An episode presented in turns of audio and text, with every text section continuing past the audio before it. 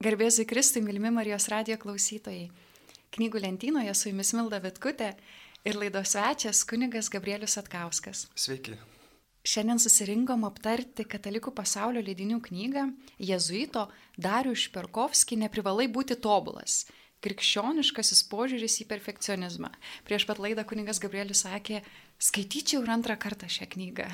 Kodėl? Na, pirmą dėl to, kad stengiausi pasiruošti perfekcionistiškai laidai, kad kuo geriau pristatyti ir greitai skaičiau godžiai. Bet labai dažnai norėdavo sustoti ilgiau mąstyti kai kurios skyrius, kai kurios sakinius, ištaras, nes autorius knygos jisai, na, surenka šitą temą, kas atliepia ir, pavyzdžiui, Teresė Vilietė, Tomas Akvinėtis, ir Pranciškus Salezas, ir Teresėlė, ir Šventas Augustinas, tokių ir popiežių mintis dažnai cituoja, ir, pavyzdžiui, net naujausius popiežius Pranciško dokumentus gaudėti egzultatę, visokiausius. Jono Paulius antrojo ištaras tai taip paliečia širdį, taip kalbina tuos skyrius galima būtų daug labiau išplėsti, iš kai kurių netgi atskirą knygą rašyti. Tai daug tokių glaustų minčių, kurios suintriguoja, suvirpina kažką sieloje autorius tikrai parašęs yra ir noris kontempliuoti, apmastyti kai kurias, ypatingai dėl to, kad tai liečia, kodėl ta knyga tai patiko ją skaityti, dėl to, kad jinai ne tik kokias žinias suteikia, ne kažkaip pakausto mus darybėmis ar kažkaip motivaciją sukelia, bet ką autorius ir kalba, perfekcionizmo problema, kad jis labiau kreipia į išorę, vat, per prievartą įtakot savo valią ir spėk darybių atitikti kažkokį idealą, o jis remiasi, atrodo, šventų Ignacus. Ignacas sako, mes turime nuolat paskatinti savo valią trokšti Dievo, aukti, ne, ne kažkaip ją spausti, nespausti, neprievartauti savęs, bet paskatinti tą troškimą viešpatys. Tai šita knyga tikrai tą tokį vidinį perkeitimą veda, į vidinį perkeitimą. Kaip žinom, dvasiniam gyvenime yra trys etapai - apsivalymo, nušvitimo ir susivienimo su Dievu. Tai jeigu likti tik tai pirmajam apsivalymo etape, tai lieka tik tai moralė, reikalavimai, taisyklės ir, ir tokia kova su savim, kuri nuvargina ir atima galiausiai vidinę priežastį, kodėl aš to siekiu ir skatina pasiduoti, nuleisti rankas, nusivilti savim, kitais kaltinti, kitus kaltinti, tada negativizmui tokiam pasiduoti. Tai šita knyga veda į tokį pažadina troškimą vienyti su Dievu, iš tiesų viduje, vidinį tokį perkeitimą siekti. Vad ko trūko, labai gražu. Kas yra globėjas perfekcionistų, tas šventasis užtarėjas globėjas, tai iš palyginimo apie gailestingą į tėvą, dar vadinam sunaus palaidūno. Ir va mes dar galim vadinti tą palyginimą sunaus teisuolio, sunaus perfekcionisto. Jisai, jis taip stengiasi, jis daro visas užduotis namie Bet pasirodo, viskas jau yra jo, jam nereikia užsidirbti tėvo meilės. Ir esmė yra ne išorė, bet jo vidiniam požiūrio pakeitime, santykėje su tėvu. Šioji knyga labai skatina valią, būtent trokš Dievo kažkaip viduje savo požiūrį pakeisti, įvaizdį Dievo, religijos, bažnyčios įsakymų, klystančių žmonių, mano žvilgsnį į juos, galiausiai matyti, kada aš esu klystantis, pripažinti, atpažinti ir ir priimti savo silpnumą Dievo akivaizdui, nes tada pildos tie švento rašto žodžiai, būdamas silpnas esu galingas. Aš matau, knyga Gabrieliau, kad neina sustabdyti, norisi iš karto visą tą knygą apsakyti. Tai trumpai apie autorių. Reikia pasakyti, kas jis toks. Darius Šperkovskis yra kunigas jėzuitas. Jis yra ne tik kunigas, bet ir psichoterapeutas ar psichologas. Kunigas, kuris veda rekolekcijas ir taip pat gerai pažįsta žmogaus psichologiją. Nardo visokiojopai po žmogaus vidinį pasaulį. Ir skaitant šią knygą mes galim pastebėti, kad perfekcionizmas kaip toksai kaip klausimas, kaip tema yra gyja, su kuria pereina per įvairiausių šventųjų gyvenimus, per šventojo rašto vietas, tarsi per šį klausimą pereina, mums atrodo, labai gerai pažįstamas Evangelijos vietas, Evangelijos veikėjus, tarsi perklausė juos, palaukit, o gal čia buvo perfekcionizmo problema, va štai šita nuostata, tikėjimo Dievo atžvilgių, Kristaus atžvilgių. Tai šita knyga yra iš tikrųjų užsispaudusiems žmonėms, kurie iš savęs daug reikalauja, kaip būdinga jensenistam, tokia šventoji matematika, aš čia turiu būtinai tiek ir tiek gerų dalykų padaryti ir skaičiuoju, ką aš čia gerai darau, ką čia blogai darau. Ir iš vienos pusės, nu mes esam pašaukti būti tobulais, kaip tėvas yra tobulas, bet ne savo jėgomis. Čia turbūt ir yra ta svarbioji knygos žinia. Tai ką svarbu žinoti, kad prieš imant šią knygą jinai yra labai konkrečių klausimų parašyta. Iš tikrųjų, tas krikščioniškas perfekcionizmas kaip problema Bet iš vienos pusės gali atrodyti, čia tik tų perfekcionistų problema. Kažkokia viena ruši žmonių, kurie turi šią problemą. Bet man atrodo svarbu pasakyti, kad mes visi turime tam tikrų perfekcionistinių problemų. Kuria prasme, kaip pats autorius Perkovski kalba apie tai, kad mes bandome savo jėgomis pasiekti išganimą. Kad čia yra ta Taip. keistoji laikysena, kur mes bandom patys kažkaip išsireikalauti ir būtinai savo jėgomis kažką padaryti. O mūsų tikėjimas apreiškimo tiesa skelbia visai kitą. Ir ta interpretacija, būkite tobuli, nes jūsų dangiškasis tėvas yra tobulas. Mes esame įtakoti graikiškos kultūros mąstymo, kad turime ištobulinti save, atitikti kažkokį idealą, tik tada pasieksim laimę. Visiškai priešingai biblinis tobulumas apibrėžiamas, kad net perverčia tuos žodžius, kitaip išsako autorius, sako, nebūkite tobuli, nes jūsų dangiškasis tėvas yra tobulas, bet būkite man pasišventę, nes aš esu jums pasišventęs. Tai pirmiausia, pažiūrėjau, Jėzus sako, būkite šventi, arba jūs esate šventi Paulius kreipiasi į krikščionis. Ir paslaptis yra būtent jau atrasta šventumą, kuris yra kaip dovana, malonė, kurios man nereikia įgyti, kurią gavau per krikštą, aš jau esu šventas. Ir tą atpažinęs dovaną trokštų pasišvesti Dievui, trokštų mylėti kitus. Jau esu mylimas, jau esu mylimas. Ir dėl to, patyręs tą Dievo meilę, atradęs, gaunu tą jėgą vidinę mylėti kitus, taip kaip Jėzus myli. O dabar mes dažnai susidurėm praktikoje su krikščionybė, kuri yra krikščioniški terminai su pagonišku mentalitetu. Iš tiesų, aš turiu kažką Dievui duoti, kad gaučiau. Ir kaip gražiai autorius vienam skyriui skiria dėmesį, sako, ne, mes turime išmokti priimti Ir tada prieėmė iš Dievo malonę, turim, jėgų, turim ką duoti, turim jėgų duoti, esam palitėti jo gailestingumo meilės ir natūraliai tada kitiem tą perduodame.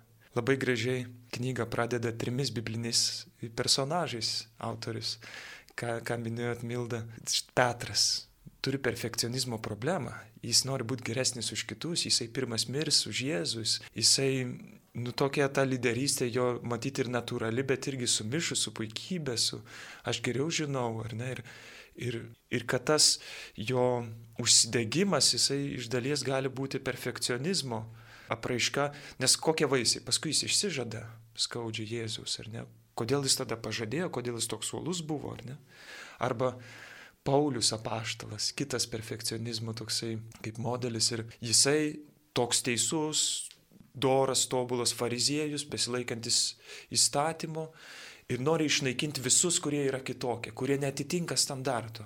Ir ką jis ir dar, būdamas Sauliumi, persekiojo krikščionis suminėjo, nes jie, jie netitinka to jo įsivaizduojamo modelio, koks turi būti žmogus, patinkantis Dievui. Ir galiausiai mūsų daugumo žinomi tie du personažai, Marija ir Mortas, Lozerių seserys, kai Marija su Jėzumi kalbas jo klausosi, kontempliuoja, o Morta sukasi virtuviai, dirba, ruošiasi, galiausiai priekaištauja. Jėzau, tau nerūpi, kad aš čia viena tarnauju, dirbu, kad perfekcionizmas į tokį aktyvizmą veda, už kurios lypia egoizmas, savanaudiškumas, kad į mane turi atkreipdėmėsi kažkaip, kad aš čia taip pasišventęs, taip aukojos. Ir, ir tie visi trys personažai kankinasi, jie nėra, lai, nėra laisvi, nėra laisvi. Tai, tai tokia įžanga, labai graži, biblinė. Ir pavyzdžiui, tas faktas, kad autorius yra psichologas, psichoterapeutas, labai žavus, nes skaitant knygą nesijaučia jokio psichologizavimo. Yra kaip dvasingumo, praktinio dvasingumo knyga paremta Biblija, šventų raštų, šventaisiais jų išmintimi bažnyčios mokymu. Norėčiau pridėti dėl Petro Pauliaus ir Mortos. Įspūdinga pradžia, iš karto užkabina. Skaitant... Ar atpažinai save visose trijose? Aš iš karto atpažinau. Taip. Visose trijose. Ir aš pagaliau gavau įtikinamą Mortos veiksmų interpretacija. Nes kai kurie sako, nu bažnyčio reikia ir Marijos, ir Mortos. Ir man toksai, nu ne, ne, Jėzus kažkaip sudraudžia Mortą, čia kažkas kitaip turi būti. Tai man labai patiko interpretacija. Tai pradedant nuo Petro, kas man patiko, kaip autorius sako, kad Petras įsivaizduoja, kad jis turi Jėzų įrodyti save, savo tobulą meilę, kažkaip kažką įrodyti. Geriausia pateikti Taip. iš visų išskirtinį. Ir tada autorius sako, Bet Jėzui užtenka jo mažos, trapios meilės. Labai noriu pacituoti. Kai po prisikelimo Jėzus ateina pas Petrą, klausia, ar tu mane myli tris kartus. Ir jis sako, šioje scenoje prašoma tikra dvasinė tiesa. Dievas dažnai prisitaiko prie mūsų ritmo, silpnybių ir sugebėjimų, o mes manome, kad turėtume atlikti kažin kokius neišpasakytai aukštus jo reikalavimus. Argi taip netampame nevykusiais Petro sėkėjais, norinčiais dėl Dievo ir kitų padaryti tai, ko nei Dievas, nei kiti iš mūsų neprašo. Ir man atrodo tokia svarbi mintis, Dievas neprašo iš mūsų, kad mes būtume kažkokie tobuli ir viską iškart gerai darytume. Jis sako, sek mane, atsiduok man, aš priemu tavo trapę, aplūžusią meilę, tavo valią, kuris silpna, viskas tvarkoj. Atiduok, ką dabar turi, jinai gali sustiprėti, bet man nereikia, kad tu iš karto ir taptum tobulas, ne, kažkaip čia stebuklingų būdų. Tai man čia labai prakalbėjo. Dievas priema mano, mano trapumą, viskas su tuo gerai, duok ką turi, jisgi žino, kaip su tavimi yra. Dėl mortos man labai patiko, kai skaičiu aprašymą, visos tos situacijos, kaip jinai priekaištauja, kaip galvoja, čia reikia kažką iš vidaus padaryti, man pačiai aš čia turiu nuolat stengtis tobulai tvarkyti namus, žodžiu, viską tobulai daryti. Aš pati galvoju, kartais gyvenime atrodo, nu nieko negaliu padaryti šitoj situacijai, bet tai, kad aš jaudinuosi ir nervinuosi, atrodo, tai dabar aš labai daug veikiu ir kitus graužiu, o tai dirbu. Bet aš čia kažko užsiemu, nes man atrodo, kad aš būtinai turiu kažko užsimti, nes, nu, va, tada aš čia kažką padarysiu gyvenime. Tai čia labai svarbus dalykas, kad dvasiniam gyvenime paradoksali taisyklė yra tokia, kad reikia mažiau daryti, daugiau leistis, kad tau darytų. Kaip adoracijos metu, man atrodo, kad čia reikia kažko labai daug užsiimti. Tik klausyti. Jo, o reikia leisti, kad Dievas veiktų. Ir kad mūsų pyktis ant kito dažniausiai, dažniausiai yra mūsų vidinė problema. O dėl Pauliaus, apie tai, kad vat, reikia čia visus išnaikinti netobulus, per visą knygą eina tokia mintis, kad jeigu mes labai griežtai vertinam kitą, negalim jam atleisti ir negalim pakęsti jo silpnumo, tai tada autorius sako, mes ir patys savo esam labai net laidus ir save spaudžiam, nukryžiuojam, pasmerkiam. Prisimenu popiežiaus Benedikto XVI mintį, jisai sako, jeigu nori skelbti apie moralinį gyvenimą, apskritai apie moralę, mokyti moralės, pirmą reikia skelbti apie atleidimą. Nes kitaip moralė yra nepakeliama, mes visi pridarę klaidų, mes nes nuolat jas darom. Nu, nėra taip, kad kas nors sugebėtų laikytis net savo gavieninių pasiryžimų. Ir jeigu žmogus jau dabar gyvena situacijai, kuris tikrai vat, problematiškai gyvena dėl savo paties kalties ir tu, tu pradedi skelbti moralinį idealą, jisai pradės įneikti, nes jam per skaudu ir kažkaip teisinti save, ne, tai čia nėra taip blogai. Bet jeigu pradinis taškas yra toksai, tai Dievui tinka tavo silpnumas, jis tave įima tokį, koks yra, taigi jis žino, kokia situacija, tada gali rodyti idealą. Tai man atrodo, šita knyga yra skirta ne kažkaip eiti ir kitiem evangelizuoti, čia skelbti žinę, bet patiem mum, kurie esam užsispaudę ir kažkaip sustoję dvasiniam gyvenime, ar ten neinam iš pažinties, nes atrodo, nu, va čia man tik pasitaisyti, kad tik galėčiau pasirodyti toks, koks, nu, va, esu Dievui, nes dabar nepriims, tai čia tokiam asmeniniam apsivalymui gerąją prasme, nuo, nuo paties savęs. Autorius kalba apie moralizmą, Jis skiria, yra moralė ir yra moralizmas, kuris dabar labai populiarus yra bažnyčiui. Ir aš skaitydamas tas vietas iš tiesų matau ryšį tarp to, kad, pavyzdžiui, jaunimas įtariai žiūri bažnyčios mokymą arba nepasitikė arba mažiau ateina į bažnyčią. Dėl to moralizmo tu privalai, tu turi būti toks, tu turi daryti tą. Tai kas yra moralė? Moralė yra tikėjimas, kuris veikia meilę. O moralizmas tai yra tokių taisyklių laikymasis, kuris veda į teisumą. Ir iš to kyla kokie vaisiai, tada čia yra geresni, čia blogesni, smerkimas, lyginimas. Ne? Ir, galiausiai mūsų prigimti silpna kiekvieno ir neįmanoma pasiekti tobulumo. Galiausiai viskas remiasi Dievo malonė. Ir tada iš to moralizmo, tokio bandymo prievartą save spausti, savo valią, kad pasiek kažkokį dabar idealą, žmogus pervargsta, persitempia, nusivelia savim, nusivelia kitais, nusigrėžia, jis nebenori nieko girdėti, jokių nurodinėjimų, nes tikrai intuityviai jaučiam, kad kažkaip tai eina ne su laisvė, ne su troškimu man aukti, bet su kažkokiu spaudimu dirbtiniu. Ir, ir jis kalba apie, remdamasis popiežium Pranciškumi, popiežius Pranciškus viename iš savo dokumentų iškėlė dvi tokias erezijas atgimusias šiais laikais bažnyčiui kurios labai pavojingos mūsų santykių su Dievu. Tai jis sako apie neopelagionybę ir neognosticizmą. Tai autorius kalba, tai vadina pelagionybę ir jensenizmu. Pelagionai tikėjo, kad įtempę savo valią, labai norėdami, jie gali pasiekti šventumą, pasiekti tobulumą. Ir tada Dievas juos apdovanos. Ne, tai vienas kraštutinumas. Ir tuo remias moralizmas.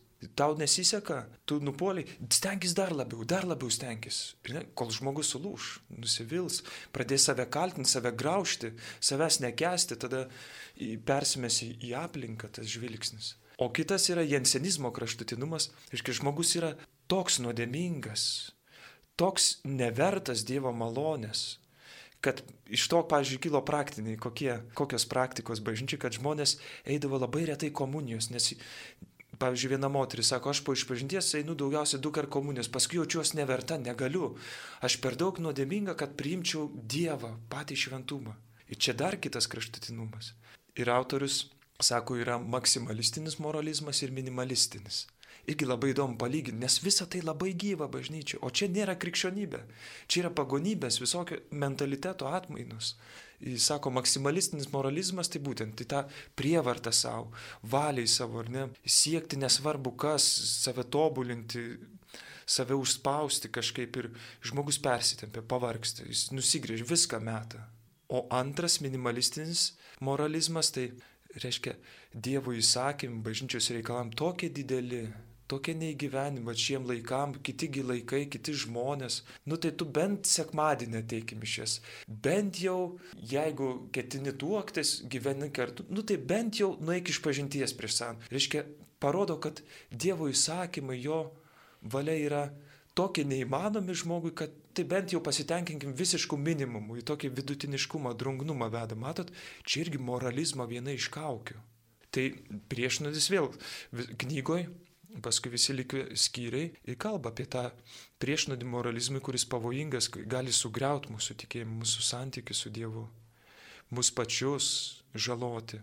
Ir, ir aš kai skaičiau kaip dvasininkas, kaip kunigas, kuris pamokslauju, dažnai kalbu dvasiniam temam, labai įsiklausiau.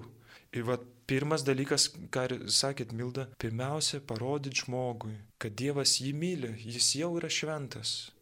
Kad tai yra pirmiau, nesvarbu kas, Ir tai priėmus tėvo meilę, kas yra malonė, dovana. Čia nėra technikos, čia būtent yra atsiverimo klausimas, mano atsiverimo Dievui. Aišku, jį turiu pažinti tada kažkaip per šventą raštą, o bažnyčiai kartais mes net apsunkinam ar iškreipiam Dievo paveikslą, kitaip interpretuodami šventą raštą, kalbėdami apie Dievo reikalavimus, Dievo paliepimus. Bet pirmiausia, kas yra svarbiausia? Svarbiausias Jėzus įsakymas - mylėkit kaip aš mylėjau. Meilės įsakymas Tai vėl grįžtant prie to pačio, kad pirmiausia ne kažką duoti Dievui, bet priimti jo meilę. Ne, ir, ir tada jau bendradarbiauti su juo, būti tuo šaltiniu kitiem. Labai svarbi tema ta moralizmo, kur daug žmonių yra įskaudinti, nudegę, sužeisti. Ir tas yra, net mes to neįsisamoninę, yra tokių kaip pasąmonė religiniai mūsų egzistuoja, net, net nuo sakyklų, tas moralizavimas, moralizmas tėvų vaikam, mokytojų mokiniam, politikų piliečiams ir, tai, tai nėra krikščionybė. Noriu labai atliepti, klausantiem gali pasirodyti, kad mes čia kažkaip relativizuoja moralę. Va, irgi. Tai mes to nenorim padaryti ir pats autoris nenori pasakyti to, kad va čia nebėra krikščioniško idealo, kad mūsų prieiškimas kažkaip nebegalioja jis tiesiog parodo, kad mūsų apreiškimas yra daug platesnis negu mums atrodo. Kaip pačios knygos pradžioje jis sako, Dievas yra kantrus. Jis yra aprašinėję įvairias evangelijų vietas, kaip Jėzus bendrauja su nusidėjėliais, kad iš tikrųjų Dievas kantrus, jisgi supranta, kad mes esam silpni, trapus. Tai iš vienos pusės. O idealas yra, bet jis pasiekiamas ne kažkaip mum verčiantis uh, per galvą, neriantis iš kailio, kad iš tikrųjų malonė yra dovana ir ją reikia priimti. Ir tada Dievas žino, kad tie žingsniai bus mažučiai, bet tik tai priemant tai, kad man reikės pagalbos, įmanoma judėti link idealo. Tai man atrodo šitai svarbu pabrėžti. O antras dalykas, labai svarbus, kad šis perfekcionizmas kyla iš savivertės menkumo. Mums atrodo, kad reikia kažkaip įrodyti save Dievui ir kad šita žaizda gali būti atėjusi iš šeimos, gal aš iš tikrųjų buvau mylėtas, nu kiek mano tėvai gebėjo, tiek jie mylėjo, geriausiai kiek galėjo, bet aš nu, nesijaučiu, man vis atrodė, kad reikia man kažkaip save įrodyti ir tada aš tai perkeliu į santykių su Dievu. Bet iš kitos pusės, nu kas iš mūsų turi tobulą prieraišumą prie savo mamos, kaip sakydavo psichoterapeutas Gintautas Vaitoškas. Nu, vad Jėzus, tai su Marija.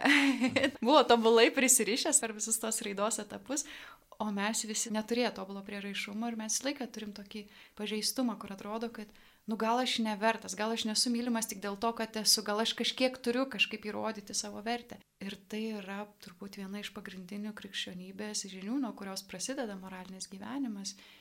Dievas mus priema tokius, kokie esam.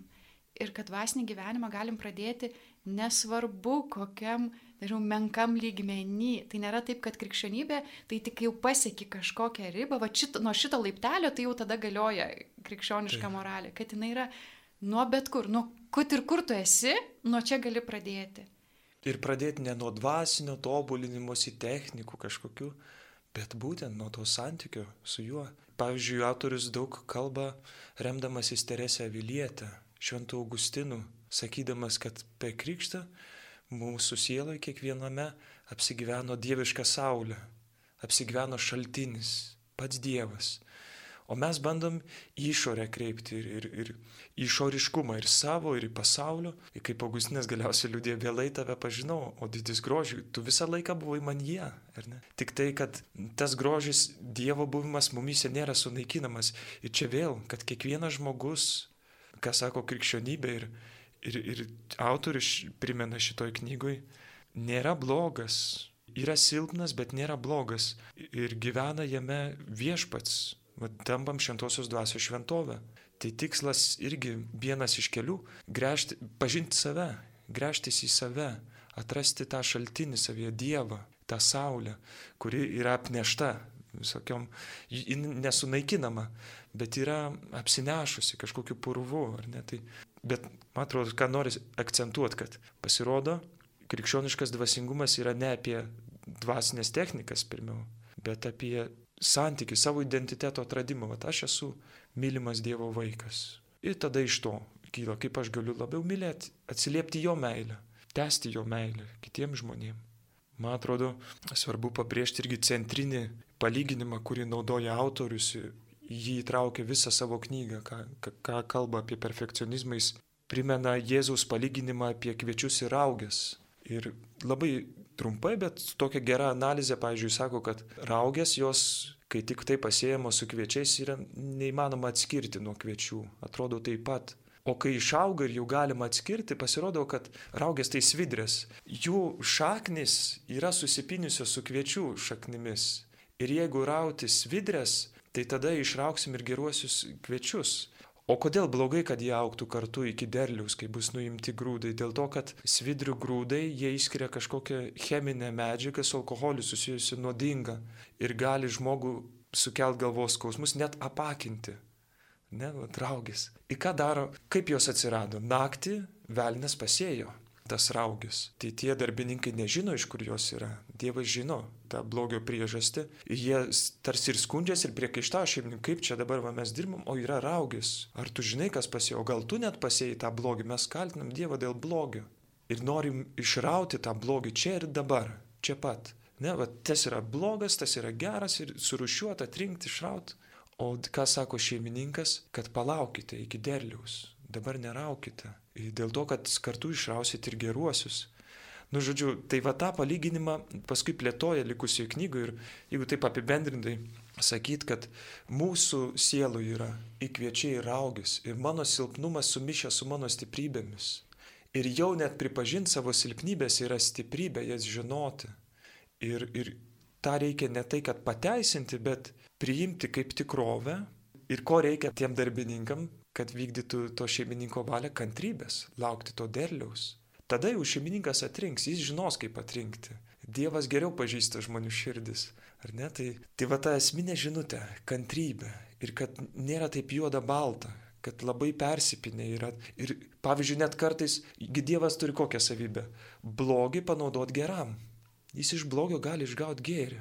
Pavyzdžiui, mano silpnybės, kaip liudyja apašalo Paulius gyvenimas, Jis tą liūdėja pats, jis net jomis giriasi. Ir, ir Dievas kartais net leidžia mums susilpnybėm kovoti, neišlaisvina jų iš jų iš karto, kad mes, pavyzdžiui, neįkristume į didesnės silpnybės, į puikybę, pavyzdžiui.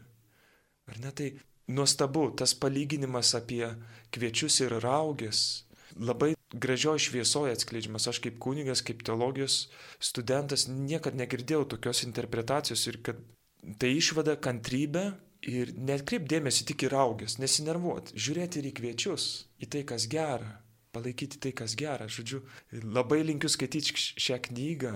Vien dėl šio palyginimo, kuri taip nuostabiai sugretina su mūsų dvasiniu gyvenimu, visuomenės gyvenimu. Ir, ir moko kantrybės pamokos, pasitikėjimo tuo šeimininku, kad neapaktume. Ne? Arba kad neapaktume ir, ir susikoncentruotume į kviečius, išmoktume dėkoti. Vat irgi, sako, perfekcionistas, jis neišgyvena dėkingumo. Jis viską mato kaip užduoti, kaip galimybę, kaip naštą. Išmok dėkoti viešpačiui. Ir man šitą knygą skaitant tikrai toks buvo priminimas, ypač kai atliekam sąžinės patikrinimą dienos pabaigoje, kad tai būtų dėkingumo, dėkingumo malda, Tai priešnodis perfekcionizmui, priešnodis kažkokiam nepasitenkinimui. Pastebėti, pamatyti gausybę Dievo dovanų. Galiausiai autorius sako, kaip mes net apsiprantam su tuo, su savo egzistencija. Kiekviena dovana, kiekviena diena yra Dievo dovana. Kiekviena diena yra jo įteikta, niekas mums nepriklauso, mes nekuriam gerybių, mes jas galim priimti iš Dievo kaip malonę ir dalyti su kitais. Perfekcionistas bando sukurti tas gerybės ir ne, savintis jas. Ir, o esam tie neverti tarnai. Iš tiesų, jis yra šeimininkas Dievas, o mes turim būti kantrus ir, ir atkreipdėmėsi į kviečius, būti dėkingi. Aš tai įsinešu tokias dvi mintis iš šios knygos, kuriuom taip gražiai mane paliko. Labai gerų gyvenimo momentų atsirado ši knyga, kaip tik reikėjo spręsti tą perfekcionizmo klausimą. Ir man labai patiko citata Švento Pranciškaus Ksavero šioje knygoje, kur Pirkovski kalba apie švelnumą. Kaip svarbu švelnumas savo. Ir yra citata, skamba maždaug taip. Pranciškus Ksaveras sako, vargšė mano siela, mes ir vėl sugriuvome, bet nieko tokio, kelkime, eikime pas viešpatį. Tai man ta mintis, Vargšė mano siela, švelniai pažiūrėti į save, kai kažkas nepavyksta, ne tik, kad nepavyksta padaryti darbą, bet iš tikrųjų supranti, kad padarai nuodėmę. Iš tikrųjų, čia tai susimovi ir labai stipriai. Ir tada pagalvoti, nu vargšė siela, nu mes sugriuvom. Gerai, keliamės toliau. Ir kas labai svarbu, keliamės, eikime prie viešpaties, kad kiekvienas nugriuvimas gali turėti du rezultatus. Vienas aš galiu sakyti, o ne, nugriuvu ar atolti nuo Dievo, o kitas, Dieve, grįžtų pas tave. Ir kad kiekvienas mano parklupimas gali būti man proga artėti prie viešpaties. Dar labiau susivienyti su juo. Taip. Paradoksaliai. Ir kad va, toks yra krikščioniškas kelias, kad mus kviečia su kiekviena nuodėme, su kiekvienu nugrivimu, sakyti Dieve, tikrai negaliu be tavęs, nu padėk man. Tai man tas labai svarbu, kad dvasiniam gyvenime yra kažkoks tas natūralus instinktas, blogas instinktas nutolti nuo viešpatės, nes aš susimoviau ir čia yra ta perfekcionizmo šaknis, o ne, tai jau dabar aš susimoviau, šitoks blogas. Tai ne viešpatė, padėk man. Ir tai atrodo, oho, tobulas patarimas, va čia gavėnės patarimas. Kai prisižadi savo, kaip čia laikysiesi visokių pasiryžimų, tai viešpatė nugriuvau. Dabar tavęs labai reikia. Ir atrodo, taip senai žinoma mintis, aš prisimenu, kaip dvasis tėvas man sakydavo, Taip, Milda, dabar tu supranti, kad viena nieko negali. Ir atrodo tokia žinoma mintis, bet kažkaip paskaičius knygą, vargšė mano siela, kad reikia labai švelniai save pažiūrėti. Tai šitai labai svarbu. Tada man naujai suskambėjo irgi žinoma mintis apie nuolankumą.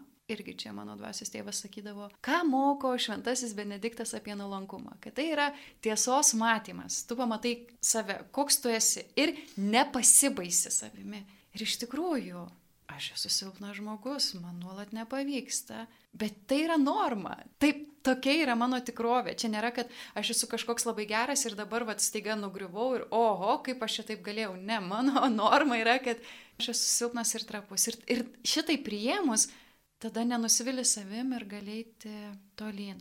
Tai švelnumo savo, kiekvieną kartą, kai griūni, kaip Teresėlė sako, kuo tu silpnesnis, tuo daugiau gauni pagalbos iš viešpatės. Kuo didesnė nuodėmė, tuo didesnis atleidimas, tuo daugiau Dievo malonės. Tai tiesiog tai priimti, kad toks ir užmanimas, krikščionybės skelbiama tiesa yra tokia, mes esam silpni, mes patys vieni negalim. Ir čia yra normalu, su tuo viskas tvarkoja, bet taip ir yra. Tai nereiškia, kad nėra idealo, bet tas idealas nėra kažkokie nepamatuoti griežti reikalavimai, tai yra santykis su Dievu, kai iš meilės viešpačiui tu keiti visą savo gyvenimą, tu nori būti geras, tu iš baimės kažką blogą padaryti, baimės geros, baimės nenorėdamas nuskriausti, keiti savo santykį su kitu žmogumi, kad šita moralė, kaip sakėt kuniga Gabrieliau, iš tikrųjų yra laisvo žmogaus moralė, kylanti iš meilės, iš didžiulio troškimo. Tai čia turbūt labai svarbus dalykas kad prieš norint kažkam kitam pamokslauti, kaip svarbu save švelniai priimti tokiam akim, kokiam viešpats tave mato ir tokiu būdu, kokiu jūs pats nori tave priimti. Tai laidai einant į pabaigą, kunigė Gabrielių, kas dar liko neįsakyta, o atrodo svarbu būtų išgirsti klausytojams. Silpnumo teologija. Dievas tapo silpnu, kad žmogus taptų stiprus ir, ir perfekcionizmas gali būti puikybės forma, kai aš bėgu nuo savęs ir nenoriu priimti savo silpnumo. Ir galiausiai pradedu savęs nekest, ar ne, kaltinti ir, ir kitus. O Dievas tapo silpnu kūdikiu. Ir mirė ant kryžiaus apnuogintas, apiplėštas. Jėzus mirtis baisi. Ten visur spinduliuoja jo silpnumas. Ir Evangelija moko kad galiu arti būti Jėzus, priimdamas irgi silpnumą. Jisai atėjo palaikyti mane mano silpnume. Kad atpažinčiau, kad priimčiau, tai padrasina mane savo pavyzdžių. Nerauti tų raugių savyje. Nerauti, bet e, labiau atkreipdėmėsi į kviečius. Ir tai man ta silpnumo teologija tokia silpininga, intriguojanti. Ir, ir autorius kalba apie Teresėlę iš Lizie, apie jos e, kelią į Dievą, dvasingumą. Apskritai autorius remiasi daug ir, pavyzdžiui, šventų Ignacų, ta jo mintim, kad piktasis yra kaip karvedys, kuris apsupa mano sielos pilį ir žiūri, kurios sienos plonesnės, kur sargyba prastesnė ir puola mane per mano silpnybės. Ne per stiprybės, bet per silpnybės. Tai gynybos taktika yra pažinti save, savo silpnasias vietas. Panaši taktika kaip piktojo. Ir būtent tas savo sil silpnybės pažinus, pripažinti ir stiprinti, tenai būdėti, tiesiog būdėti tenai. O tam reikia nuolankumo. Puikybė ne, neleidžia pripažinti savo to apibendrinant labiausiai skamba ta mintis, kad Dievo žodis jau krikščionį vadina šventu, jau mylimu, mums nebereikia užsidirbti Dievo meilės. Ir, ir svarbiau yra ne kažką pasiekti, bet kuo aš esu. Tikslas yra būti, o ne kažkuo tapti. Ir prisimint, kas esu. Dievo vaikas, esu šventas, esu mylimas, esu pasauliušis, esu druska. Ir tas buvimas remiasi santykiu su Dievu, su Jėzumi. Ir greičiausias tiesiausias kelias į tai buvimą tokiu mylimu, tai yra silpnumo kelias, kas yra visiškai priešinga perfekcionizmui. Ir autorius dar sako, kad esam tuo pačiu ir pacientai, ir gydytojai. Pripažinti savo silpnumą, man reikia vaistų, man reikia Dievo gydimo ir iš čia tada kilsta jėga gydyti ir kitus. Tai, žodžiu, labai turtinga knyga. Aš ją labai rekomenduoju kiekvienam krikščioniui, nes mes visi esame paveikti tos graikiškos kultūros tobulumo sampratos, kuri yra, nu, prieštarauja bibliniai tobulumo sampratai. Ir iš tiesų tos žodžius, būkite tokie tobuli, kaip jūsų dangiškasis tėvas yra tobulas, mes išverskime, būkite man pasišventę, sako viešpats, nes aš esu jums visiškai pasišventęs tai atradę, tai atpažinę, tai prieėmę, kad aš jūs myliu, tada turėsit jėgą, tokią malonę pasišvesti irgi man, mylėti mane, mylėti kitus. Iškia visiškai priešingai, priešingai eiga. Iš tikrųjų, knyga norintiems pažinti save, pažinti savo tikrąją prigimtį, kuri yra silpna ir leisti savo tokiam būti.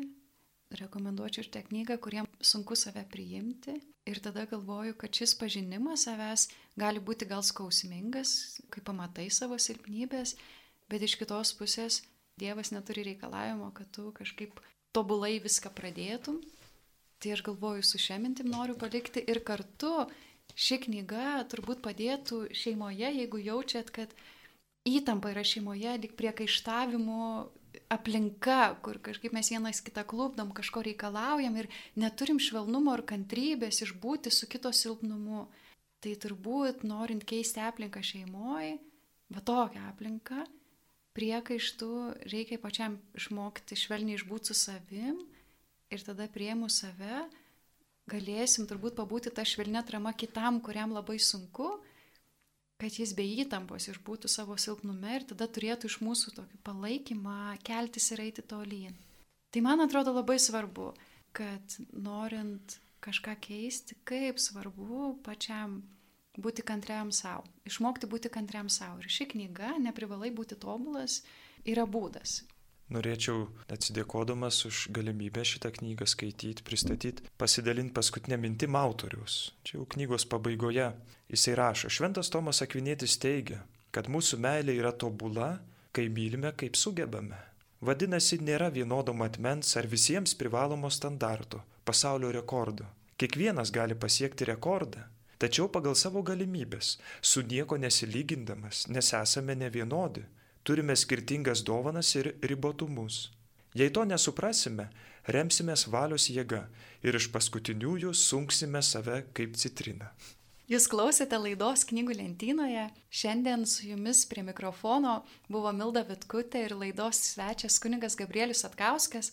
Kalbėjomės apie katalikų pasaulio leidinių knygą Darius Piorkovski Neprivalai būti tobulas - krikščioniškasis požiūris į perfekcionizmą. Su Dievu. Su Dievu.